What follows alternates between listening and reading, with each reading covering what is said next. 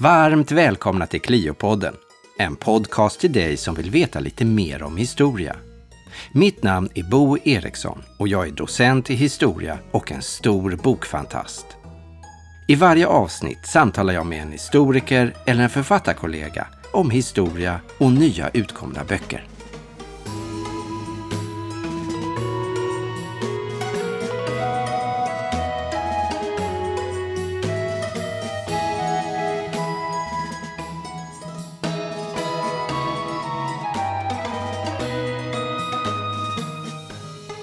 När coronapandemin slog som allra värst var det nog många som undrade när vi kunde återgå till att leva normalt igen.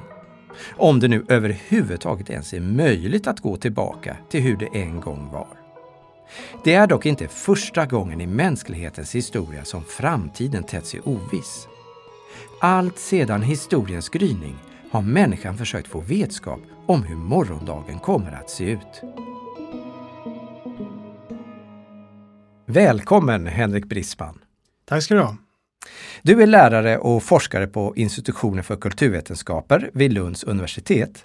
Eh, och du har studerat bland annat humanioras samhällsrelevans med utgångspunkt från humanisternas intellektuella ideal och praktiker i förhållande till samhällsutvecklingen. Alltså en intellektuell historieskrivning kan man säga. Din nya bok, Framtidens historia, det är en fascinerande historik, tycker jag, över storslagna drömmar och grusade förhoppningar. Hur kom du in på det här ämnet, framtidens historia? Kort sagt, varför har du valt att, skriva en sån här bok? Ja, man, man, kan väl se det som ett, ett slags växelspel faktiskt. Sen eh, fem år tillbaka, hösten 2016, så ger vi en kurs som heter Framtidens idéhistoria mm. i Lund. Mm. Och Eh, där behandlar vi olika teman kring framtiden, förhoppningar, eh, fruktan med olika tematiska nedslag från antiken till våra dagar. Och utifrån den kursen så har boken inspirerats. Men sen fick jag faktiskt en förfrågan från förlaget den hösten 2016 om ja, att skriva en bok på natur det temat. Natur och kultur med andra ord. Ja. Absolut, mm, natur och kultur. Mm. Eh, så man kan väl se det som ett växelspel mellan kursen och en idé också från förlaget om att en sån här bok borde bli skriven. Yeah. Och eh, när jag fick förfrågan så svarade jag med vändande e-post i stort sett. ja, jag förstår det. så att eh, jag har väl låtit mig inspireras av, av kursen men sen förhållit mig ganska fristående vad gäller tematiska inslag, kapitelindelning, eh, särskilda exempel och så. Mm. Ja, för det här är ju ett litet annorlunda ämne får man ju säga. Det är ju inte Tysklands historia 1600 till 1800 utan framtidens historia. Och jag tror att många lyssnare tänker så här, vad, vad betyder det? har framtiden en historia? Mm. Är det Back to the Future och de här filmerna? Mm. Det låter så motsägelsefullt. Kan framtiden ha en historia? Vad säger du om det? Ja, det är onekligen en eh, paradoxal motsägelsefull titel. Eh, men eh, det visar sig när man börjar studera framtiden genom historien mm. att eh, den inte nödvändigtvis att man inte nödvändigtvis behöver tala om, om tidsaspekten, att framtiden så att säga infaller i en tid som ännu inte har inträffat i morgondagen. Utan framtiden kan till och med förläggas i form av guldåldersmyter i historien. Mm. andra kanske upplever att framtiden ligger i samtiden, att den bästa värld vi lever i och mm. bästa tid vi lever i är här och nu. Så att eh, jag har försökt eh, studera eh, tankar, funderingar, eh, förhoppningar kring framtiden eh, genom historien i olika sammanhang. I, eh, ja, ska säga, religiösa, filosofiska, politiska, vetenskapliga men också populärkulturella sammanhang. Mm. Mm. Och en, en, sak som är tydlig med din bok tycker jag, det är ju att framtiden har haft en väldigt lång historia. Och det har du också med på, på kursen då på universitetet, att ni börjar ju från antiken och går fram till idag. Ja, och att det här framtidsbegreppet är som, som du också säger, väldigt rörligt. Det kan vara någonting som är placerat i historien och vi, ska gå in på det här snart då. Ja. Och sen kan det vara i nutiden och det kan också ligga i framtiden. Mm. Och, och, jag ser ju genom din bok att det finns ju vissa epoker som är mer framtidsblickande. De säger framtiden, den positiva ligger framåt. Mm. Och det arbetar vi för medan man under andra epoker och tider har sagt att det är ganska dåligt vi har, det var mycket bättre förr. Ja. Och det blir bara värre ju mer ja. vi, vi, vi, håller Exakt. på. Va? Men låt oss bara kasta oss rakt in tycker jag. Och varför inte börja i, nej egentligen inte antiken. Vet du, jag tycker jag ska ställa en knepig fråga här till dig. Mm. Vad är det, det äldsta, den äldsta framtiden vi har? Vad skulle du säga? Ja, eh, beroende på om vi talar om historiska källor eller ej, men i varje fall en av de äldsta framtidstankarna eller visionerna bör ju nästan vara när människor kommer att vända sig till exempel oraklet i Delphi mm. eller motsvarande mm. med ganska konkreta frågor för en ganska nära förestående framtid. Vilken tid är vi inne på då? Ja, då, då, då rör vi oss om... Eh, det är antiken, ja, antiken absolut, Grekland, ja. 500, 400 ja, någonstans före Kristus. i den kanske, tiden, tideräkningen. Mm. Och eh, eh, det kan vara ganska konkreta frågor som det handlar om. Hur ska skörden bli nästa år? Okay. Är det aktuellt att, att eh, föra krig mot grannstaten eh, framåt? Eller, eller vem ska jag gifta mig med? Alltså den mm. typen av väldigt konkreta frågor som både berör på det mer personliga planet men också på ett mer samhälleligt plan så att säga. Så det måste väl rimligtvis vara en av de äldsta ja eh, framtidsvisionerna i varje. Och det är ju Pythia då i, i Delphi, Exakt, oraklet ja. i Delphi. Ja. Det, det, där är ju, det är så mytomspunnet med, ja. med oraklet. Eh, man undrar ju, i alla fall gör jag det, hur gick det till? Som du säger, vissa statsmän kom ju dit och frågade, är det rätt att starta krig? Och andra kommer uppenbarligen och säger, hur ska jag bli med barn? Mm. Alltså stod de i samma kö då? Eller? 100 personer och så en, ja jag är Perikles statsman, får jag komma? Ja, nu är det din man, tur. man kan ju nästan föreställa sig det. Ja. Men sen fanns det väl också ett slags prästerskap eh, kring oraklet som tolkade hennes eh, ganska eh, svårtolkade utsagor förmodligen. Mm. Eh, eh, så att det öppnade väl upp för ett ganska stort eh, tolkningsföreträde hos det här prästerskapet som omgav oraklet för den som vände sig till oraklet med olika frågor kan mm. man tänka sig. Och du, och du nämner ju också det här att, att det, det, det var liksom, inte giftiga ånger men, men, att det fanns någon slags eh, narkotisk verkan ja. med, med ja, ja. det de nu brände och det som Exakt. kanske fanns naturligt i de här Som på något, sätt, på något sätt försatte henne i trans ja, helt enkelt ja, och kom fram till sina visioner. Och, och så har man ett prästerskap som tolkare. Och, och, och, och, där har vi då olika äh, framtider. Alltså det mm. finns dels den politiska framtiden, hur det ska gå för, inte Grekland, men för stadsstaten, den och den, liksom Aten eller Sparta eller vad det kan vara. Och, och sen då den enskilda frågan, hur ska det gå för lilla mig i den här stora världen? Mm. Uh, hur, Okej, okay, så såg det ut i Grekland då. Men hur, om vi tittar lite grann till Rom då. Rom är ju övertagare av, av mycket av, i mångt och mycket av grekernas mytologi och, och delvis också deras världsbild. Hur, hur, såg de på framtiden där? Hade man folk som, ungefär som Pythia, som jobbade med framtiden?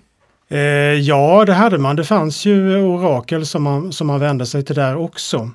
Men eh, den stora skillnaden med romarriket är väl att eh, Eh, man i betydligt högre utsträckning intresserade sig för eh, krigiska företag och det, det, säger väl, det ligger väl lite i sakens natur. Romarriket som hela tiden expanderar och, och eh, har intressen av att, att eh, eh finna nya inkomster och utkomster mm. vart, man än, vart man än tar sig.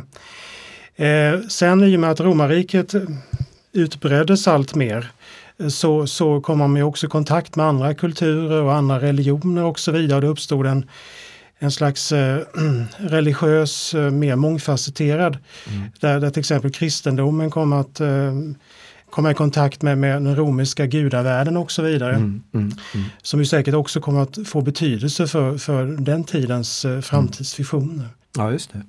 Och där har man ju mycket, du nämnde det här att, att de betraktade fåglarnas rörelser över himlavalvet. Ja. Att det, det satt de och tittade på. Eller man skar djurs kroppar för att titta hur ser levern ut. Det gjorde man ju också i Mesopotamien. Och så, där. så det är väl en allmän, ett allmänt sökande efter att mm. försöka tolka och förstå, förstå framtiden. Och då undrar jag bara så här, det kanske är svårt för dig för, att svara på säkert, men, men det är intressant att höra din åsikt om det. Hur, hur mycket av det här av just titta upp i himlen på fåglarnas flykt och skära i djuren påverkar det reellt deras beslut, de politiska besluten? Jag tror inte man ska underskatta den typen av, av teckentydande i tiden faktiskt.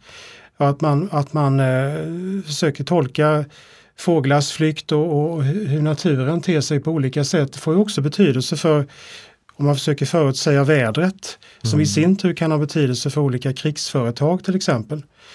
Så det var ju på, det, på ett sätt den tidens metrologi. skulle man ju kunna säga. Eh, att, och, och, det lever ju faktiskt kvar lite grann idag. Om till exempel om det är gott om rönnbär, ja då blir det förmodligen en kall vinter. Mm. Svalorna bygger bon väldigt högt i trädet, ja då blir det en varm sommar. Så den där typen av föreställningar lever ju kvar lite grann faktiskt mm. i, i det folkliga berättandet även idag. Det har du alldeles rätt i faktiskt. Jag, jag rodnar när jag tänker på hur jag låter min, mitt avgörande om vi ska åka till ja. badstranden eller, eller ej styras ja. av fåglarnas rörelse ja. över himlen. Så att överhuvudtaget att täcka, äh, tolka tecken i, ja. naturen tror jag man inte ska underskatta för den tidens framtidsvision. Och det är ju intressant för då kan man koppla det till aktörers äh, agerande, de politiska aktörerna, hur, hur pass rationella de är i sina, i sina beslut. I själva verket kanske man bygger det på just det mer äh, övernaturlig tro. Mm eh, som då av, inte avgjort men, men, som har styrt eller givit en viss förutsättning för ett krigståg eller liknande och som mm. sen har skrivit historia. Ja. Så att det är helt klart att, att framtidshistoria är också ett sätt att kanske problematisera eh, aktörsbegreppet om vi ska lägga mer teoretisk syn på det. Ja, det kan man säga. Mm. Absolut. Eh, en av antikens absolut mest kända myter när det gäller någonting som har med framtiden att göra det vågar jag påstå är Atlantis-myten. Men Atlantis fanns ju inte. Hur kan det ha med framtiden att göra?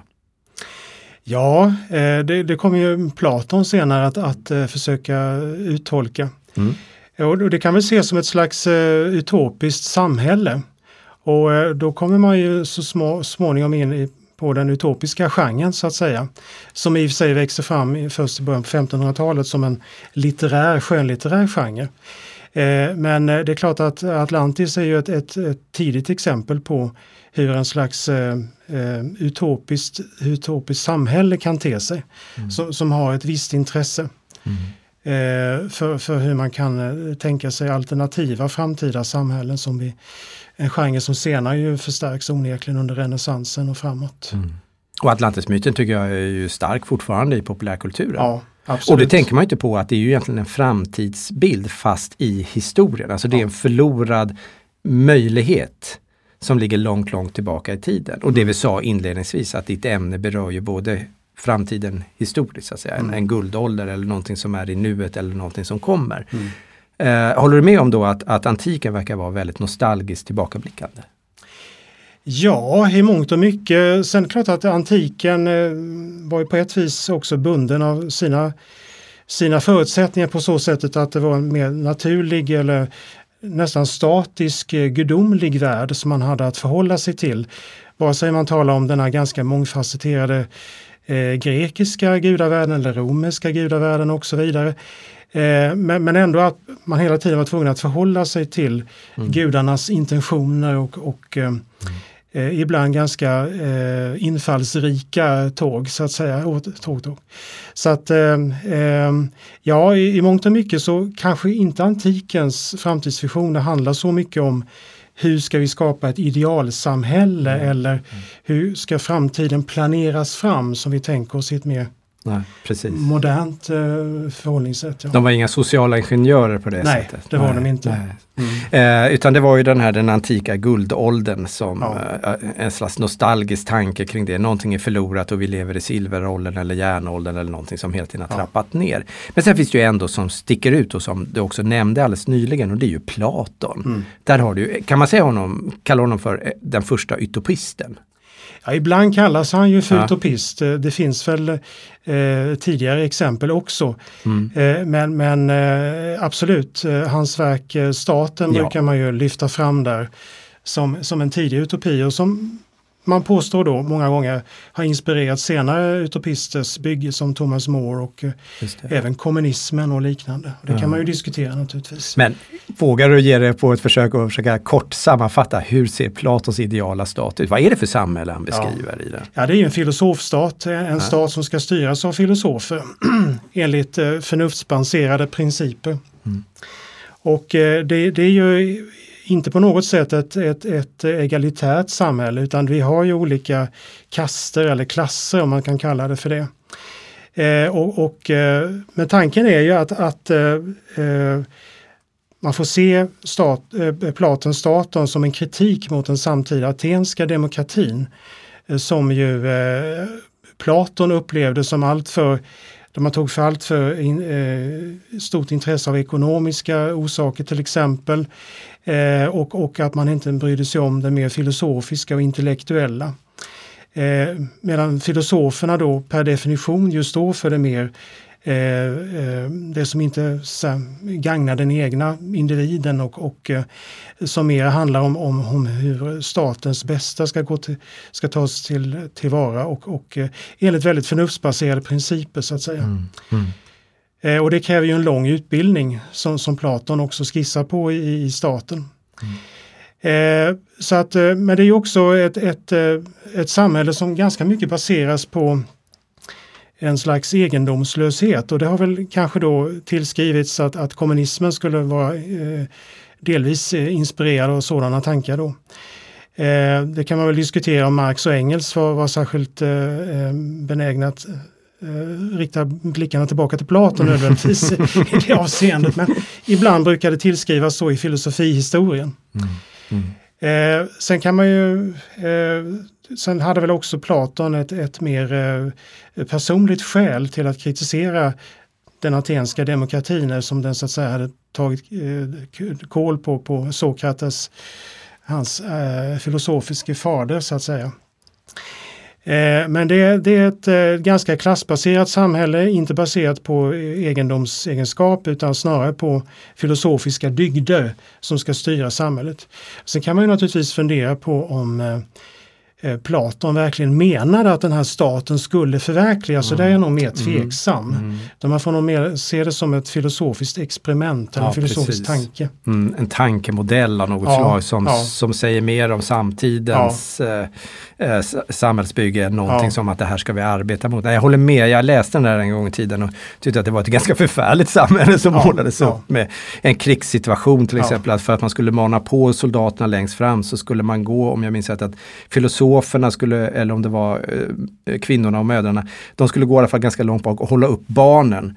För att då skulle soldaterna längst fram eh, slåss mycket med motivation. För eh, annars kan ju fiendens pilar träffa deras barn. Och jag tänkte att det här låter inte direkt som den ideala stat.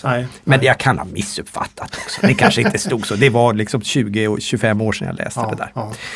Eh, så jag släpper den tanken. Mm. Låt oss gå vidare. Mm. Eh, vi gör ju en liten eh, vad ska man säga, genomgång här av framtidens historia. Det finns ju så mycket mer som står i din bok så vi bara gör små nedslag. Mm. Och du har ju, det finns en, en brytningspunkt här och det är renässansen. Du säger att framtidsvisionerna ändrade karaktär under renässansen. Mm. Hur då? Ja, eh, renässansen eh, eh, brukar ju beskrivas som en ganska återblickande period i och för sig. Eh, att, att den tidens filosofer och lärda eh, blickade tillbaka till, till eh, antiken, inte minst vad gäller latinet, men också de klassiska filosoferna som Platon och Aristoteles och deras filosofi fick ju, hade ju sig redan under medeltiden fått en renässans den också, men kan säga att den förstärktes under, under den här perioden. samtidigt så kan man väl betrakta renässansen som ett första försök till någon slags sekularisering. Att, att eh, genom renässansfilosofin, eh, Pico della Mirandola till exempel, så, mm. så lyfts människan upp och människans förmåga att, att lyfta sig själv och att förverkliga ett, ett gott samhälle på ett, på ett förnuftsbaserat sätt. Och, och eh, Eh, det gör ju att, att, att det gudomliga och Gud förnekas ju inte på något sätt. Gud finns där som skapar guden och kan möjligen också gripa in i skeendet men ändå så tillskrivs människan ett, ett, ett, ett en, större, en större frihet, autonomi och, och en förmåga att, att, att påverka sitt eget liv och sitt eget samhälle mm. på ett sätt som, som kanske lite hade förnekats under de skolastiska striderna så att säga inom filosofin under, under framförallt högmedeltiden då. Mm. Och hur var det med fru Fortuna då? Ödet? Ja. Hur kom ödet in med individen som kan påverka sin framtid? Ja, ja eh, ödet... Hänger det ihop? Ja, på ett vis. Eh, Fortuna är ju, ska ju också blidkas helst. Ja. Hon är ju hon är inte direkt pålitlig. Nej, hon är nyckfull. Hon brukar beskrivas sådär. Ja. hon är ganska nyckfull. Det är nyckfull, ja. ja. Eh, och det nyckfulla, det oförutsägbara, det finns ju fortfarande med under den här perioden. Mm. Mm. Eh, och om man går ytterligare något framåt men fortfarande håller oss inom renässansen och Machiavellis Fursten till exempel. Mm. Så handlar det också mycket om hur, hur man ska eh, skapa och, och, behålla makt och det är också ett stort mm. mått av nyckfullhet. Hur man ska förhålla sig till konkurrerande eh, grupper och liknande. Mm. Eh, så att, att Fortuna eller ödet, nyckfullheten, den lever ju ändå kvar någonstans. Vi har mm. ännu inte riktigt kommit in i det här mer rationella som vi senare ser under 1600-talet. Precis. Jag tänkte du ska få läsa alldeles snart i din bok. Jag tänkte vi måste ta två stycken klassiker innan, innan du läser, din bo, läser ur din bok. Och de, de kommer ju här nu på 1500-talet och 1600-talet. Den ena är Thomas More, Utopia. Och det andra är Francis Bacon, Det nya Atlantis. Mm. Vad är det för något som gör de här så speciella? För de är ju speciella i, i, i den här historieskrivningen. Ja. Ja, eh, framförallt eh, Thomas Mores eh, Utopia som ju kom 1516 och, och av en lycklig slump så uppmärksammade vi 500-årsjubileet eh, 2016 eh, första gången vi gav kursen då på hösten där. Eh, vilket vi kanske gjorde en liten poäng av ändå. Men eh, ja, eh, om vi beskriver Platon som den första utopisten, vilket i sig också kan diskuteras, men i alla fall en av de allra första, så får man mm. väl ändå säga att Thomas More är den som på något sätt skänker hela genren en slags legitimitet. Alltså, vi kan se det som ett första eh, skönlitterärt försök men också ett, ett idéhistoriskt politiskt försök att beskriva ett idealsamhälle, ganska detaljerat dessutom. Eh, och som senare fått betydelse för senare eh, utopibyggen så att säga. Eh, så den är ju väldigt speciell att den, sett, den på, blev på något sätt startskottet för hela den utopiska genren. Eh, sen har vi då eh, eh Francis Bacon och den här eh, vetenskaps, Nya Atlantis. Ja, den nya Atlantis. Eh, precis, den nya eh, den första vetenskapsutopin brukar den Precis, beskrivas ja. som. Ja. där, där ett samhälle är baserat just på, på Eh, vetenskapliga, eh, inte minst naturvetenskapliga medicinska framsteg, eh, tekniska uppfinningar och en stor tilltro till att att man med hjälp av empiri ska söka sig ut i naturen och, och eh, eh, försöka samla eh, fakta så att säga och sammanställa det till en större eh, sammanställning. Och, och eh, istället för att filosofera, spekulera som man hade gjort tidigare inom filosofin så skulle man nu verkligen gå ut i naturen och, och, och samla eh, basfakta så att säga för att mm. kunna dra givna slutsatser. Mm. Men det som också kännetecknar Bacons skapelse det är ju den här klassindelningen av vetenskaperna. Mm. Och den mm. kommer också påverka eh, tillkomsten av den första eh, vetenskapliga akademin, Royal Society i London, ja. som kommer att inspireras av eh, hur den här klassindelningen av vetenskaperna kom att se ut när, när, Royal Society skulle göra en motsvarande indelning. Och det är lite intressant att mm. den, en, den delen av utopin kom faktiskt att förverkligas. ja, absolut. Nu är vi jättenyfikna. Får vi höra ett litet uh, utdrag ur din bok? Ja, det var inte helt enkelt att, att välja ett, ett, lämpligt stycke, men jag, jag hittade faktiskt, jag tänkte att jag kunde läsa Eh, inledningen av den religiösa och filosofiska framtiden som vi precis nyss har behandlat här. Mm. Eh, och jag kan motivera senare då kanske varför jag valt det mm. stycket. Men jag börjar då. Naturens tecken är rubriken. I begynnelsen var världen levande och övernaturlig. Magiska eller gudomliga krafter hade en intention som det gällde att lära sig förstå och tolka. För de gånger som de högre krafterna direkt visade sin vilja för den enskilda individen var få. Människan fick se till att lära sig läsa tecken och den konsten ansågs så viktig att särskilda yrkesgrupper utvecklades. När vi närmar oss historisk tid kallar de sig profeter, siare, orakel, augurer eller filosofer. Men de var bara arvtagare till äldre benämningar som vi inte vet så mycket om, vad de spanade efter och hur vet vi inte heller. Väder och tillgång till föda har säkert varit viktigt att försöka få kontroll över. När människan blev bofast och började odla marken uppkom behov av närmare kunskap om vatten, grödor och klimat. Längre fram börjar politik, krig och sjöfart komma in i bilden. Hövdingar och stammar har varit beställarna och deras uttolkare har tillhört ett privilegierat skikt. Prototyperna till de rådgivare som makthavare än idag omger sig med. Väldigt intressant därför att jag skulle kunna haka på där och säga att, att från att ha haft de här profeterna och siarna som blickade framåt. Så när vi kommer in på 1600-talet och, och in på 1700-talet så är det naturfilosofen, vetenskapsmannen, den upplyste som blickar framåt, ja. inte längre profeten. Nej. Där har skett en sekularisering ja. av framtidens historia kan man säga. Mm. Och eh, där säger du att det finns ett samband som man börjar urskilja mellan framtid och framsteg. Och här mm. tycker jag kommer nästa brytpunkt i den här historien. Det är otroligt viktigt. Vill du utveckla den tanken? Jag tror att du förstår vad jag menar, att det är så ja. viktigt för, framt det är ja, så viktigt för framtiden. Ja, precis, precis. Eh, till skillnad från eh, framtidsbegreppet så är väl framstegsbegreppet mer eh, utforskat och, och eh, diskuterat. Eh, man tänker sig framstegstanken, en idé som växer fram under 1600-talet eh, präglat av sekularisering, rationalitet, empiri och så vidare. Där framförallt vetenskaperna, den naturvetenskapliga revolutionen infaller ju under 1500 och 1600-talet. Och den bidrar ju till att framstegstanken, det vill säga att man med hjälp av vetenskaplig metodik mm. kan förändra och förbättra samhället. Vi, vi kan också eh, nå kunskap om, om eh, framförallt inom astronomin då, under den här perioden om, om eh, bara, inte enbart planeten Tellus utan även hela det omgivande planetsystemet och hur vi förhåller oss till solen och allt detta.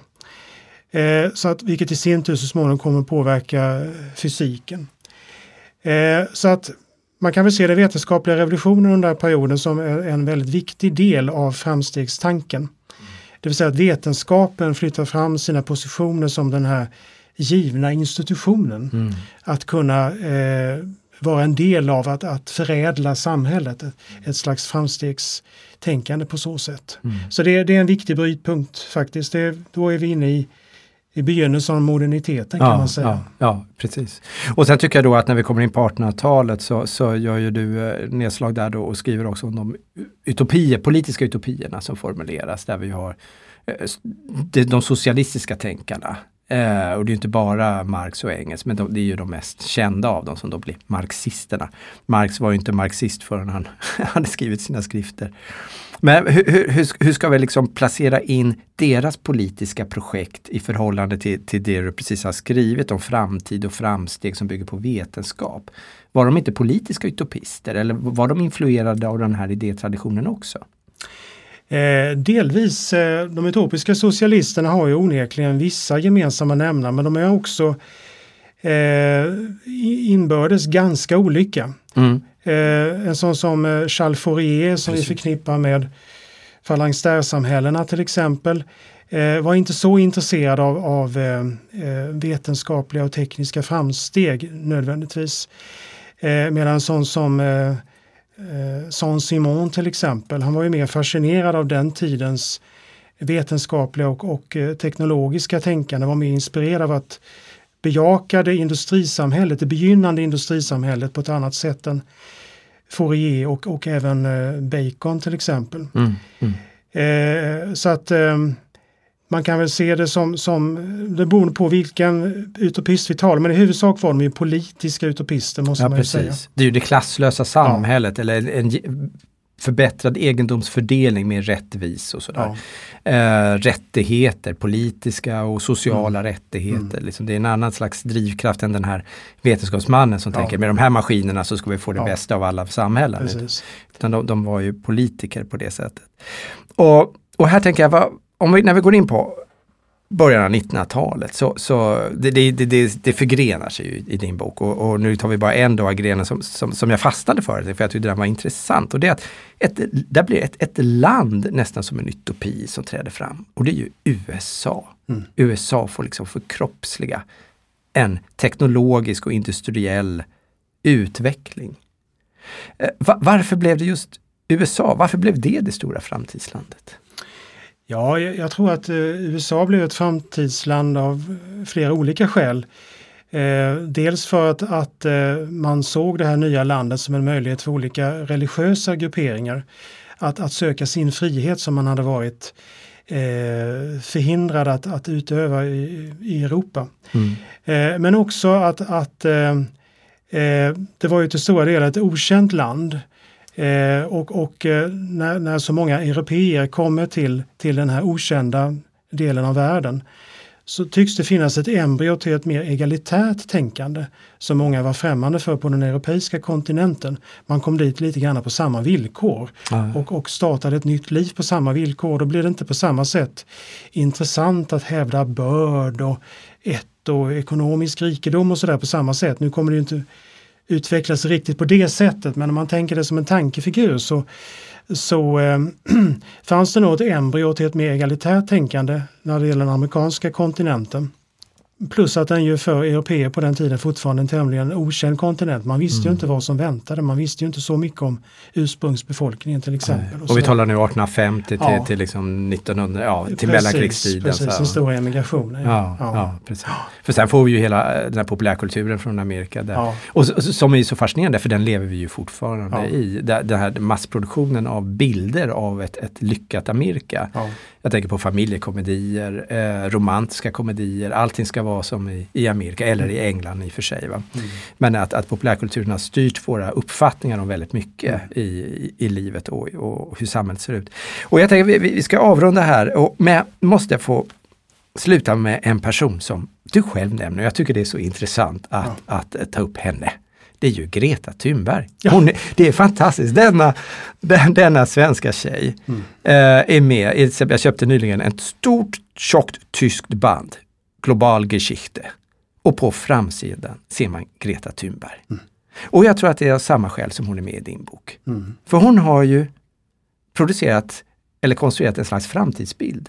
Och jag tänkte vi låter oss sluta med en reflektion över det. Vad är det för framtid som Greta Thunberg står för? Ja, eh, jag skulle väl säga att, att eh, eh, hon har ju blivit en representant för den nya ungdomsgenerationen som mycket, i mångt och mycket i klimatfrågan betonar just att vi är ett uppväxande släkte vars framtid är på allvar hotat. Eh, och hon har i och för sig sagt i olika sammanhang att det inte bara är hennes, för hennes egen generation som, som eh, hon, hon för den här eh, klimatkampen eh, jorden runt utan även för äldre generationer för all del. Men det är framförallt hennes egen generation och får man väl tänka sig kommande generationer som har för den här kampen. Och det samhälle hon eh, ser fram Jag tror att hon har radikaliserats en del också längs med vägen. Att från början var det mer det här, lyssna på forskarna, lyssna på forskningen. Mm, mm. Eh, och det låter ju väldigt förnuftigt mm. och politiskt sett inte så farligt. Eh, för de flesta tänk, anser nog ändå att, att eh, klimatforskarna har rätt. Sen kan man diskutera i vilken grad och sådär naturligtvis men i huvudsak så, så tror jag att de flesta eh, människor har en ganska stor, stark tilltro till klimatforskningen och dess olika rapporter. Och det blir bara värre för varje gång som den här klimatpanelen IPCC eh, släpper en rapport, uppenbarligen. Mm, mm. Eh, men det, det samhälle hon ser framför sig det är nog eh, om inte en återgång till ett äldre slags samhälle skulle jag nog inte säga, men ett helt annat samhälle eh, som, som tar in de gröna värderingarna och gör dem yeah. till de eh, så säga, mer ledande principerna. Mm. Eh, så det kan ju få omställning för både ekonomi och, och kommunikationer och transporter och, och eh, eh, produktionsmetodik och allt detta. Eh, sen kan man väl säga också att det samhälle som jag tror Greta Thunberg ser framför sig under pandemiperioden yeah. också fick lite skjuts med. Då fick man ett, ett kvitto på att nu flyger vi allt mindre, luften eh, blir allt bättre. Ah, eh, I Indien och Kina ser man plötsligt bergsmassiven eh, eftersom bilavgaserna har försvunnit som man inte sett på decennier. Så det, pandemin har på ett sätt också fått eh, klimataktivismen att, att visa på att ja, så här skulle samhället kunna se ut. Mm. Om vi inte flyger och åker bil och så vidare och producerar och konsumerar som vi är vana vid sedan decennier. Så att eh, eh, det var kanske inte, det var givetvis inte avsikten men, men det har nog mm. blivit ett kvitto på att, att eh, eh, klimataktivismen har no en, en väldigt eh, stort mått av, av sanning i sig, ja. måste man ju säga. Det är som att eh, lite grann se hur en, en antik guldålders myt, inte myt, men en bild, en konstruktion, eh, en, en önskan förverkligas idag i de här politiska framtidsvisionerna om att vi går tillbaka till ett, ett teknologiskt samhälle där, där vi inte har de här och de här och de här miljöbovarna utan vi lever på ett annat sätt. Mm. Eh, och det knyter ihop, tycker jag, liksom hela den här framtidssäcken. Mm. Och det är uppenbart att framtidshistoria är ett samhällsrelevant ämne ja. som, som du, du skriver om i den här väldigt fascinerande boken som jag rekommenderar. Och min sista fråga till dig här nu är, vem ska läsa din bok, tycker du? Ja, jag skulle väl säga att den tilltänkta läsaren är alla som på något sätt intresserar sig för hur människor har tänkt, funderat, fruktat, planerat inför framtiden. Det finns ju exempel både på, ja, som vi har nämnt, filosofiska, politiska, vetenskapliga texter, men också olika grupper eh, som har försökt förändra framtiden här och nu i form av sina kommuniteter, att man så att säga, försöker förverkliga framtiden på en väldigt speciell plats inom sin kommunitet och så man tänker sig att framtiden ska se ut i ett större sammanhang. Eh, jag nämner begreppet utopiska praktiker också i slutet av boken som ett sätt att, att beskriva hur de här olika grupperingarna eh, på olika sätt försöker förverkliga framtiden genom alternativ odling, alternativ ekonomi, olika samlevnadsformer och så vidare. Eh, och, och, Det är ett sätt att visa på att framtiden kan förverkligas här och nu. Framtiden ligger inte här borta. Mm. Den finns här och nu om vi vill. Mm. Så det, det är väl också ett intressant sätt att visa på det. Men den tilltänkte läsaren skulle jag säga är den som överhuvudtaget intresserar sig för för framtidsfrågorna, framförallt ur ett historiskt perspektiv ska väl tilläggas. Inom idéhistoria, kanske också inom historia, brukar vi ofta tala om den bildningsintresserade allmänheten. Det är lite oklart vem som tillhör den nödvändigtvis. Men, men Våra fall, lyssnare gör det. Ja, exakt. Och man kanske då menar att man måste inte nödvändigtvis ha akademiska poäng i historia eller idéhistoria. Men man kan ändå intressera sig för historia, man kan intressera sig för framtids och samhällsfrågor på olika sätt. Och då tror jag att, att eh, vi har den tilltänkte läsaren där. Mm. Henrik Brisman, Framtidens historia. Natur och kultur. Tack för att du kom hit. Tack så mycket för att jag fick komma.